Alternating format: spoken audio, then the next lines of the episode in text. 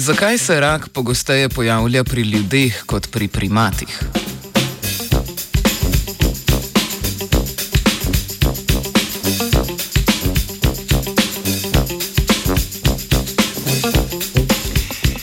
Ameriška raziskovalna skupina v znanstveni reviji FASEB Bioadvances poroča, da je gen Siglec-12 pri ljudeh povezan z napredovalo obliko določenih vrst raka. Določitev genskega profila posameznika bi se lahko tako med drugim uporabljala za določitev diagnoze in ocene tveganja za razvoj napredovale oblike maligne bolezni.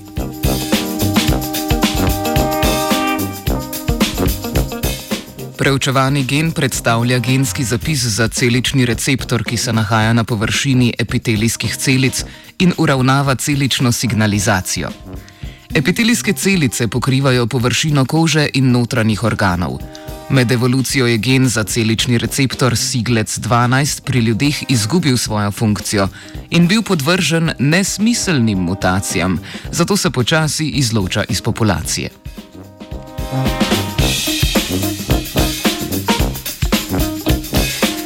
Mutirani gen pa se vseeno lahko izrazi v obliki proteina na epitelijskih na epitelijskih celicah, v katerih spodbuja kancerogene procese. Prav to bi lahko bil razlog za slabšo prognozo napredovalnega raka. Po drugi strani je funkcija gena za celični re receptor pri primatih, ki so v evolucijskem pomenu naši najbližji sorodniki, brezhibno ohranjena.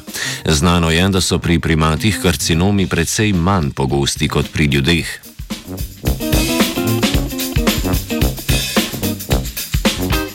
Medtem ko so raziskovalke in raziskovalci zabeležili, da je mutirani protein prisoten zgolj v 30 do 40 odstotkih zdravih človeških epitelijskih celicah, so ga pri napredovalih rakih zabeležili v več kot 80 odstotkih rakastih celic. Preživetje je pri napredovalem raku črevesja ocenjeno na 51 mesecev, ob prisotnosti mutiranega proteina pa samo na 28 mesecev. Uf.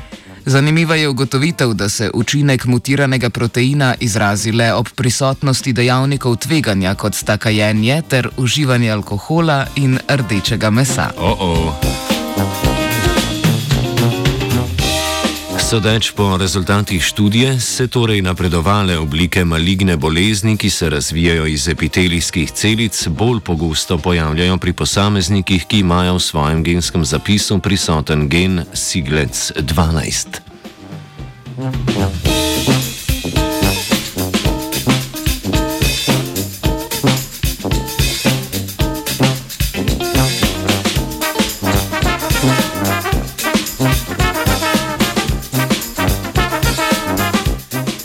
zdravega opičjega gena si želi Andreja. Jaz tudi.